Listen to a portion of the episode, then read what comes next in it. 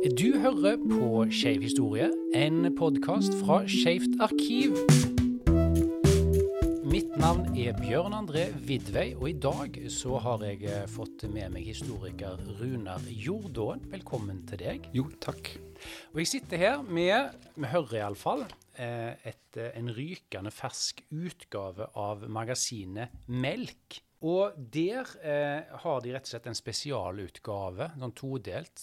Halvparten handler om Berlin, og andre halvparten handler om London. Men vi skal konsentrere oss om Berlin, eh, som du har en veldig stor interesse for, Runar. Og Berlin som en eh, skeiv hovedstad gjennom eh, generasjoner. Hvorfor har det vært sånn?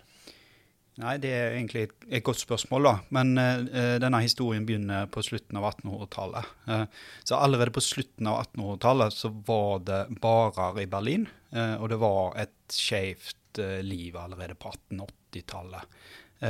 og Berlin var jo en storby i den kanskje mest eh, framtredende økonomien i Europa, altså Tyskland, som et veldig velstående og et land i rivende utvikling. Og Berlin var, sto liksom i spissen der som den raskest voksende byen i, i Tyskland, da, som, som, hadde en enorm folkevekst i den perioden. Eh, og veldig mange folk som flytta til Berlin, og det var en by der man nå kunne oppsøke anonymiteten, og, eh, i motsetning til landsbyene og det livet som var ute på landsbygda. Så, så, Berlin ble på en måte en storby da, av, av de aller største i Europa, der, der eh, man kunne møtes.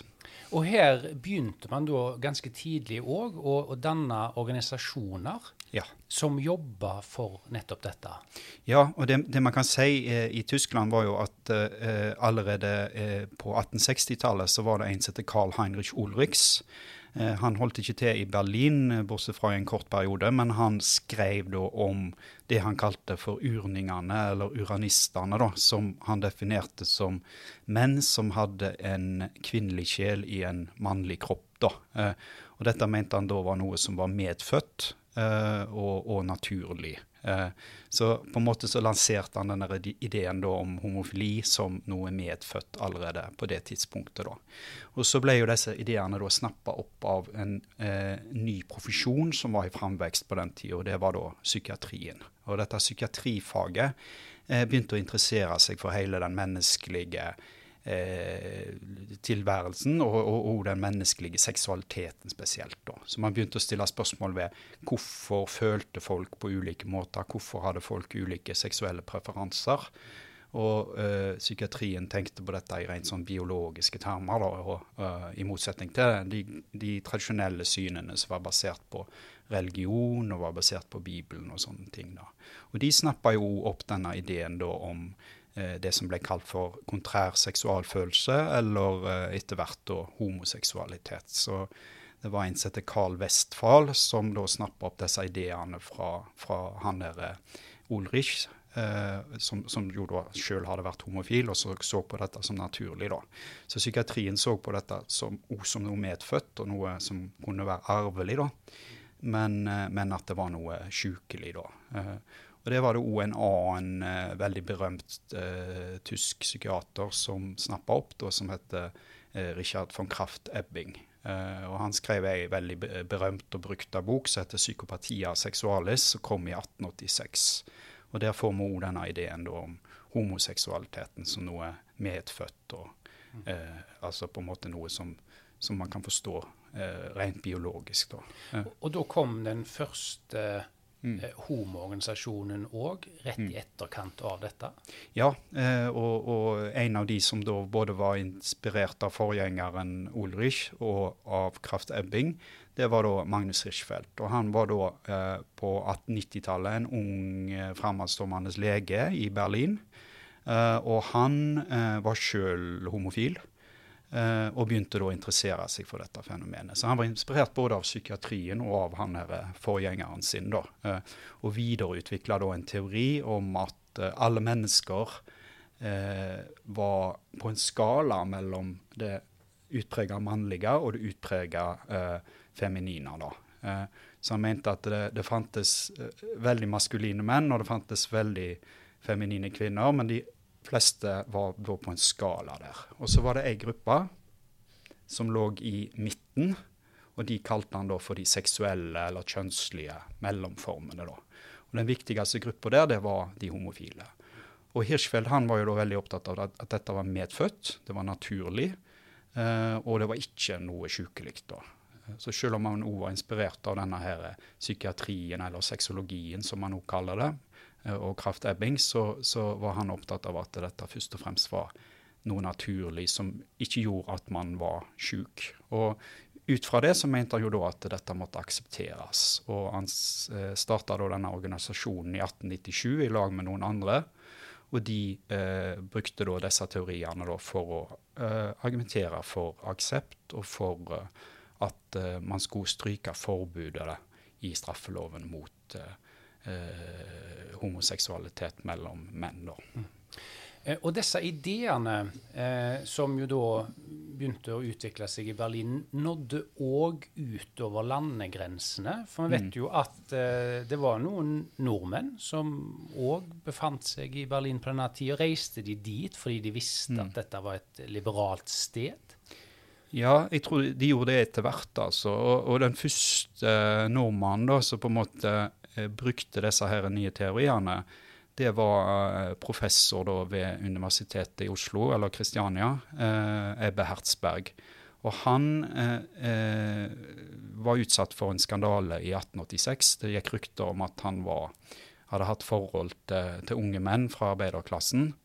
Eh, og de ryktene trua da stillingen hans på, på universitetet. Eh, og I den situasjonen da, så dro han faktisk til Tyskland da, til, til en av disse psykiaterne for å få en erklæring på at han var medfødt da, kontrærseksuell, eller homoseksuell, som han også kalte det på den tida.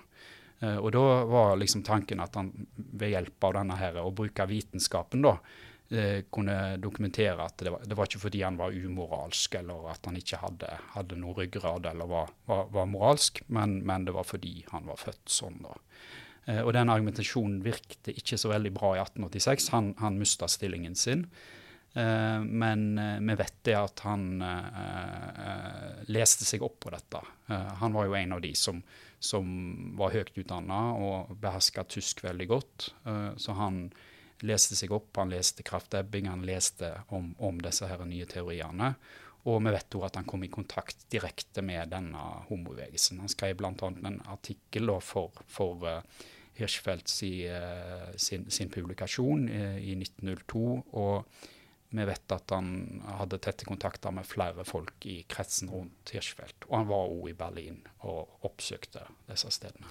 Og så vet vi òg om en annen eh, mm. som egentlig var hjemmehørende her i Bergen. Ja. En som heter Justus Lockwood. Ja. Som mest sannsynligvis òg har vært i dette miljøet og i direkte kontakt med Hirschfeldt f.eks. Ja, eh, og, og, Lockwood han kom fra en relativt velstående familie i, i, Bergen og vokste opp på Nordnes. Eh, og når han var sånn 17-18 år, så flytta familien til København, og, og han flytta jo ganske fort da, til Tyskland, der han utdanna seg til pianist da, eh, på konservatoriet i Leipzig, og bodde ulike steder i Tyskland. Uh, og den saken har uh, Altså, navnet hans var ukjent for noen år siden, da. Men uh, det er en i Berlin som heter Raymond Wolfort, som har skrevet en del for Skeivopedia. altså vårt nettleksikon som man finner på skeivtarkiv.no. Og han har da eh, snappa opp dette navnet, Justus Lockwood. Og sammen med han da så, så klarte vi å finne ut at Lockwood var fra Bergen. Og, og Lockwood han eh, var i kretsen rundt eh, Hirschfeldt, så han må ha bodd i Berlin i, i, eh, i perioder. Og han eh, underholdt da på møtene til, til, til denne her eh, vitenskapelige humanitære komité, altså denne organisasjonen som Hirschfeldt eh, starta da. Eh, så der spilte han piano eh, sammen med en annen fyr som, som opp uh, opptrådte da i, i, i drag. Uh, så, så, Lockwood er da et eksempel på en, på en nordmann da, som, som uh, oppsøkte Berlin og de miljøene som var der. Og det kom jo da relativt raskt tilbake til Norge. Mm. Eh, informasjon om Berlin mm. og hvor farlig dette kunne være, mm. og ikke minst umoralsk. Bl.a. En, en, en leder i, i Sedelighetsforeningen i Norge som var sjokkert over det han hørte. Ja da, eh, og, og, det er jo eh, interessant da at i Norge så begynte man å skrive om det som skjedde i Berlin. Eh, og det var jo veldig mye som skjedde i Berlin og i Tyskland på den tida. Det var bl.a. en stor skandaleprosess eh, knytta til da, hoffet til keiser Wilhelm. Da. Og den ble skrevet ganske mye om i, i norske aviser. da. Eh, men legene i Norge begynte òg å interessere seg for dette. Og det var på et av de møtene til, til, til legene da, i, eh, Kristiania at eh, August Koren, da, som var leder i Selighetsforeningen, da, snakket om Berlin. da. Og han eh, sier da på, på, dette møtet i 1907 i Det medisinske selskapet i Kristiania at det går alltid her i Europa kulturbølger sydfra og nordover, snart medførende gode ting, snart onde. Den homoseksuelle kulturbølge, ukultur burde det heller kalles, som nå går nordover, har allerede oversvømmet Berlin, og dens forløpere er kommet til København og Stockholm. Snart vil den skylle opp mot våre kyster. Eh, og der har vi denne her forestillingen om at eh, denne her perverse seksualiteten, da den kommer sydfra. Eh, Koren han nevner da Istanbul som et eksempel, da, eh, der man ikke har en sivilisasjon der ting er helt hemningsløst, og der man da har eh, homofile bordeller, f.eks. Men så har den altså òg kommet til Berlin. da, og Berlin blir da et sånt skremmebilde. Det er en by som har vokst veldig fort, det som er helt uregjerlig. Og der har man da eh, disse homofile miljøene. Og Han nevner òg at han eh, har en informant, da, eller en, en, venn av han, som hadde vært i Berlin, og som hadde vært med politiet da, på en sånn patrulje der de hadde observert eh, f.eks. det de kalte for da, homoseksuelle ball. Homoseksuelle kvinneball var det til og med. da. Så det var ikke bare mannlig homoseksualitet, men det var òg kvinnelig homoseksualitet som etter hvert begynte å bli omtalt. da. Mm. Og eh, disse nye strømningene ideene nådde jo òg populærkulturen. Eh, musikken. Mm. Eh, vi har et, eh, et, lite musikklipp fra 1908 eh, som heter Das Hirschfeld-Lied. Ja. Eh, kan du si to ord om den? når vi hører den? Ja, altså Jeg tror den oppsto fordi Hirschfeld ble jo veldig berømt i forbindelse med disse prosessene rundt uh, keiser Wilhelm sitt hoff. da. Uh, og I den forbindelse så han, ble han faktisk oppnevnt som sakkyndig. da. Så det forteller litt om hans rolle, da, at han òg ble tatt seriøst som en ekspert på homoseksualitet. da. Men der gjorde han den tabben at han hevda at uh, kansleren, altså forløperen til Angela Merkel, da, på en måte, som heter Bernhard von Bulow, at han var homofil. da. Eh, og dette var da eh, gjort på relativt sviktende grunnlag, ble det påstått. da. Så det var et hardt slag for Hirschfeldt. Og denne sangen den eh, jo, raljerer jo da litt med, med Hirschfeldt, som ser eh, eh, homofile overalt da på, på høglyse dag. In dem Moment, wo Schreck kommt Hirschfeld um die Ecke. Hirschfeld kommt, Hirschfeld kommt, steckt schnell die Tüte ein. Das Süße in der Flöte könnte sehr verdächtig sein. Frisst ganze Zuckerflöte auf, das ist dem Mann egal. Aber tut nicht in den Flöte, sonst bist du nicht normal. Eh, punkt på programmet for disse nye aktivistene var jo å prøve å få til en avkriminalisering når det gjaldt eh, seksualitet eh, mellom menn. da. Mm. Eh, og, men det var ikke så lett. Nei, og, og man starta jo med det helt fra starten av, da, men spesielt da etter første verdenskrig eh, så var forhåpningene store. Hirschfeld han var medlem av det sosialdemokratiske partiet.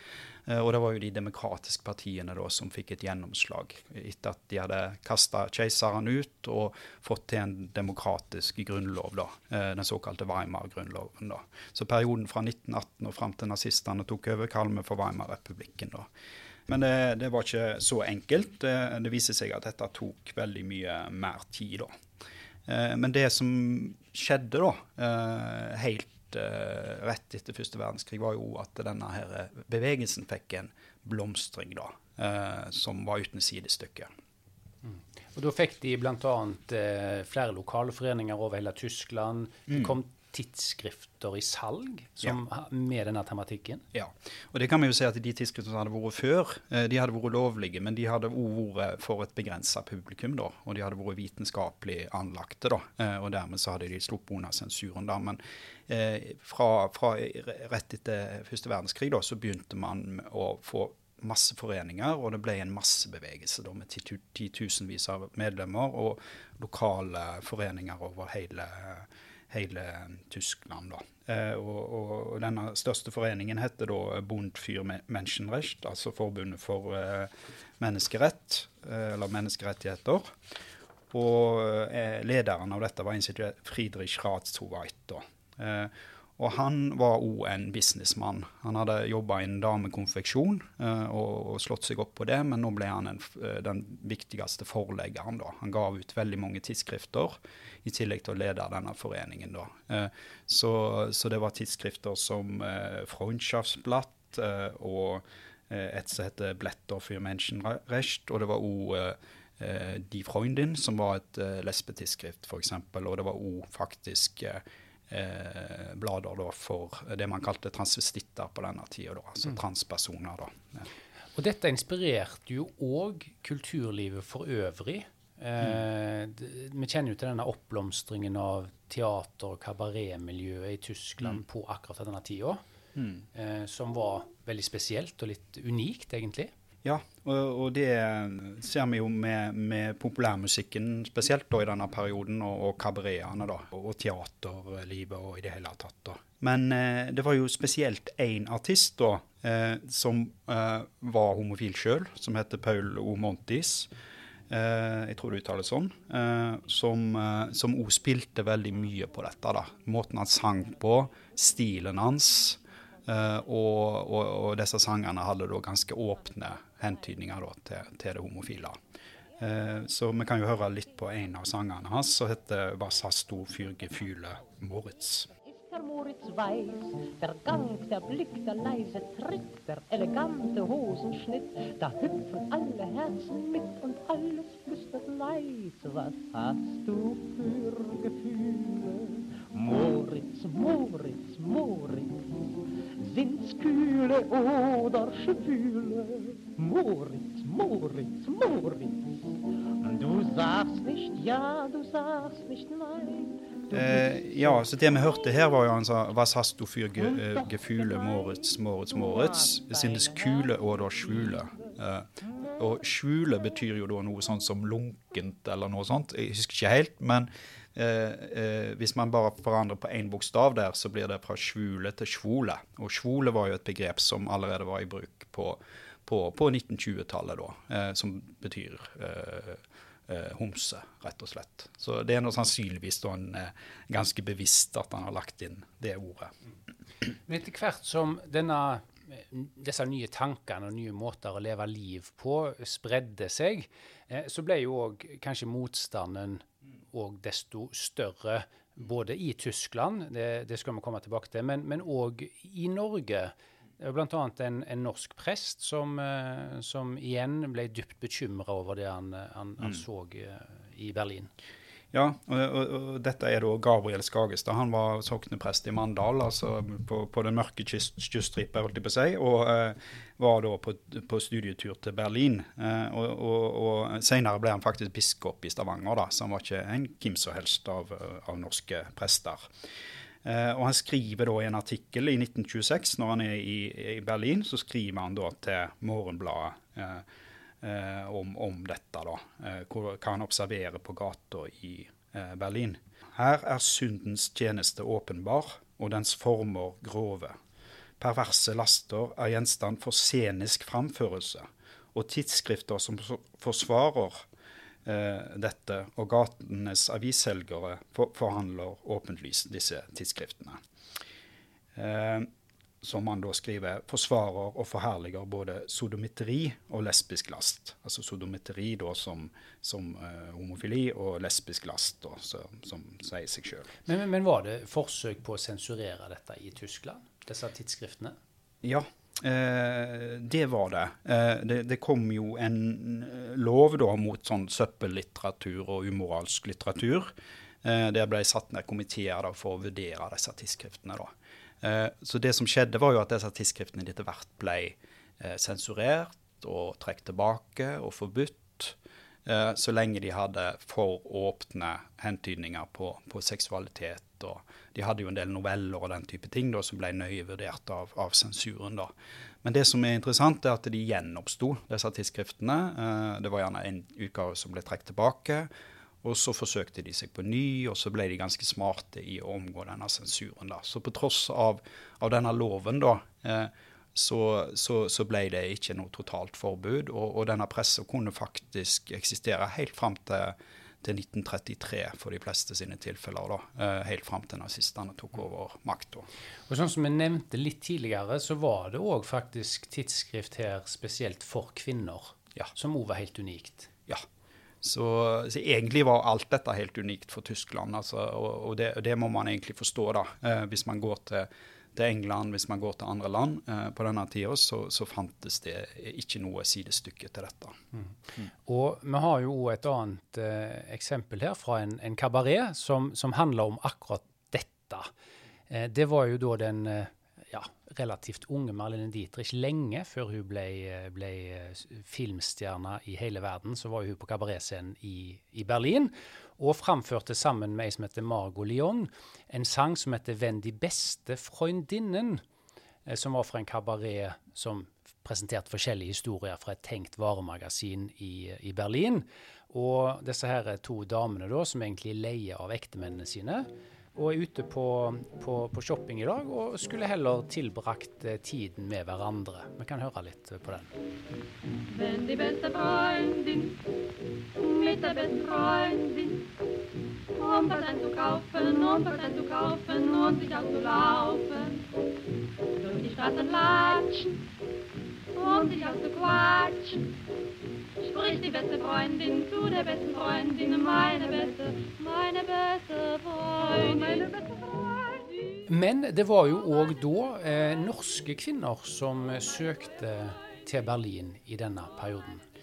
Ja, og sannsynligvis så var det flere nordmenn som var i eh, Berlin på, den, på denne tida, som òg oppsøkte de homofile miljøene. Da. Men vi vet ikke så veldig mye konkret om det, for det var jo gjerne noe man ikke skrev så veldig mye om. da. Men én person som var der, var komponisten og journalisten Pauline Hall. Og vi vet at hun senere ble samboer med ei kvinne, da, med, med journalisten Caroline Olden.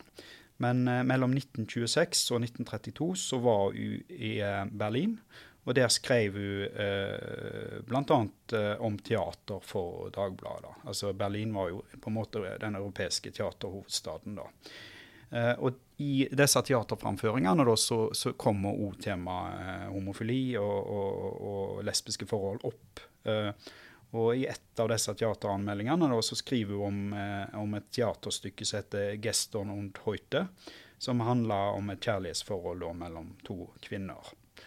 Og eh, Pauline Hall hun utmerker seg da blant de norske journalistene. Eh, for det var flere som skrev om dette i ulike eh, aviser. da. Men, men Pauline Hall var, var, mer positiv til at temaet ble tatt opp. Og så var hun kritisk til at folk reagerte eh, mot det. da. Eh, så, så, hun raljerte da litt over at, at folk ble så moralsk opprørt over at denne, denne typen tema ble, ble tatt opp. da. Og hun skriver jo da bl.a. at eh, folk reagerte som om det var kalven med de tre hoder eller noe lignende. Og fariseerne sitter trygt i parkett og nyter uten fare og risiko et par timers sensasjoner. Går så hjem og slår seg for brystet idet de takker Gud osv. Så, videre. så det vi kan spekulere på, da, er jo om Pauline Hall eh, oppsøkte disse miljøene. Så var vi på disse her såkalte damenklubbs. Vi vet om flere sånne dameklubber og uh, ulike o-kneiper som ble kalt, hadde navn som Violetta eller f.eks. Sapfo. da. Eh, så vi vet ikke om hun, hun, var der, men vi vet av det hun skriver, da, at hun kjenner til disse nye begrepene, og at hun stiller seg relativt positivt til det. da. Så det er jo litt sånn med skeiv historie at man ikke kan vite så veldig mye om, om hvordan det var, men man vet at uh, det var skeive norske som var der, og sannsynligvis så tiltrakk byen seg god.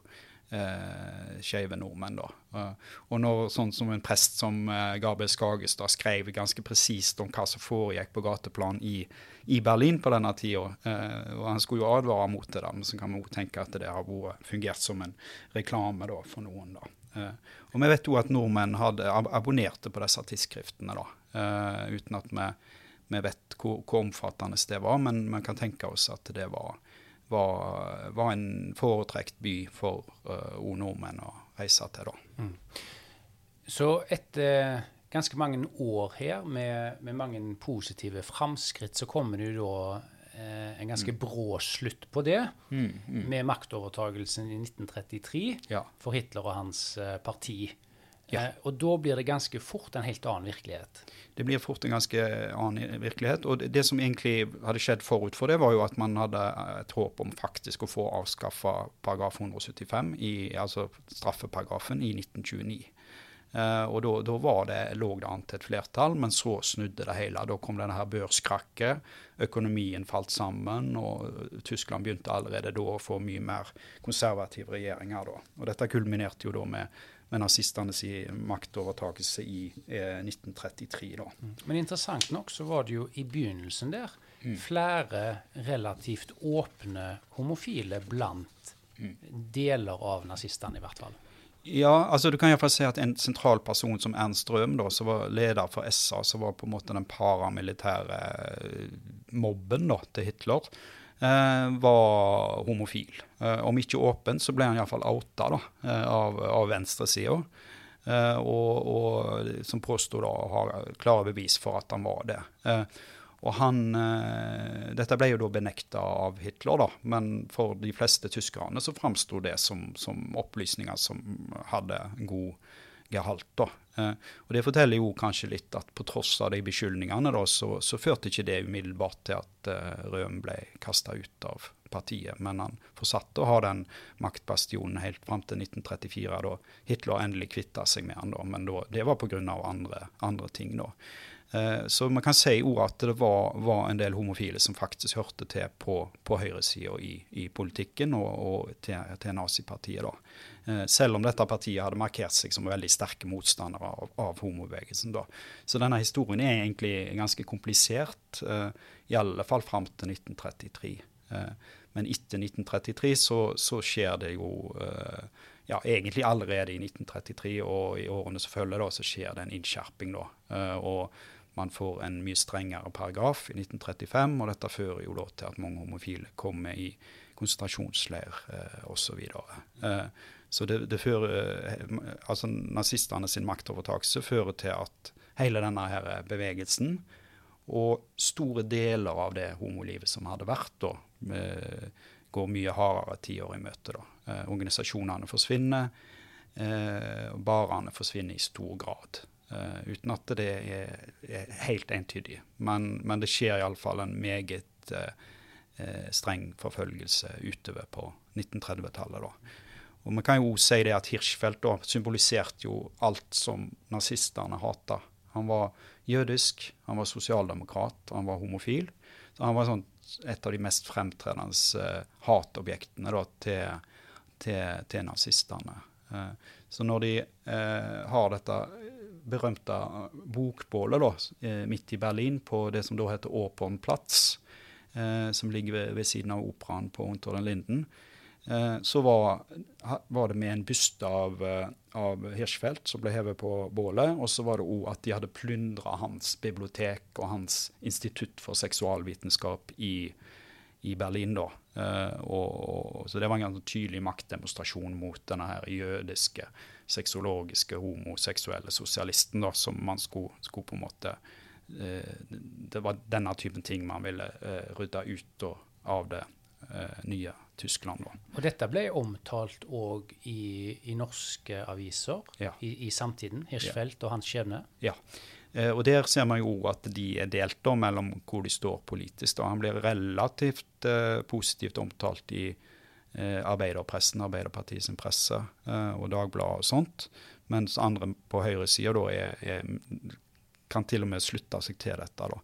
Og Der vil jeg egentlig anbefale da Stian Hårstad, eh, som som er, er språkviter og, og, og på, på, NTNU i Trondheim, han har gått gjennom og sett på hvordan Hirschfeldt har blitt omtalt i norske medier.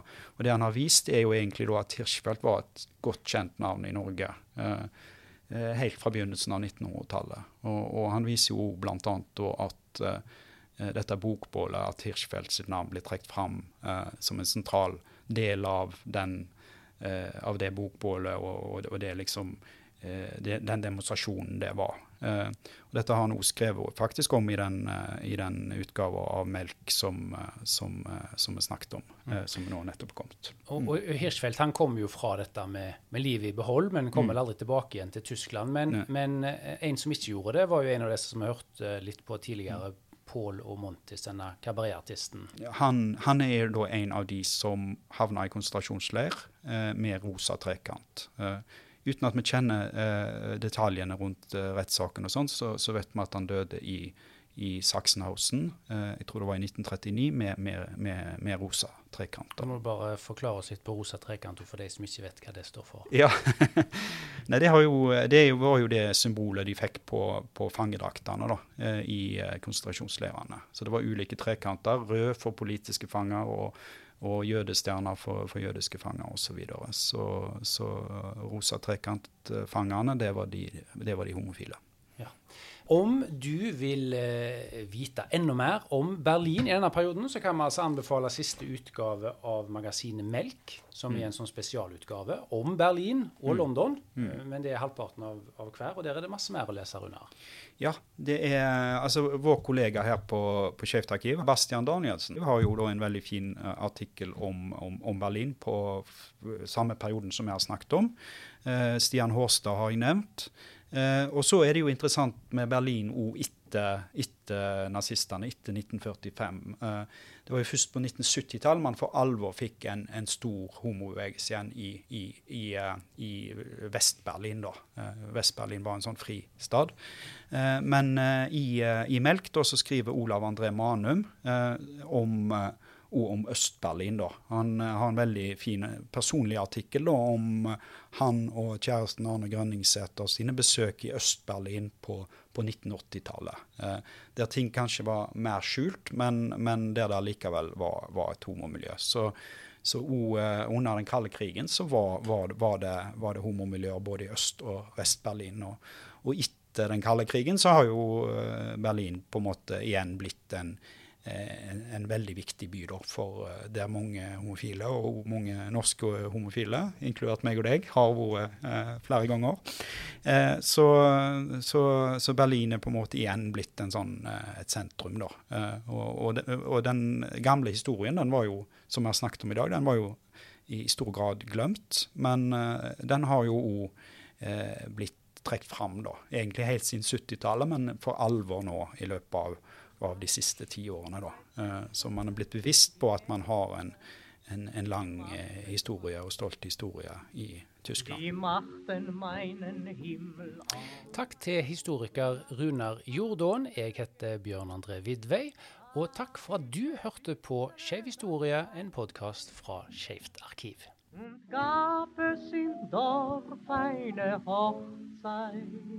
Og vi skal eh, avslutningsvis høre litt fra Paul og Montes eh, med en sang som heter 'Getto'. Ich bin nur ein polnisch Jeder, mit meine Lieder verdien ich mir mein Stückel Brot. Mein Reichtum ist meine Fidel. Mein ganzes Glück war auf den Wangen meiner Reste bisserl rot. Weit,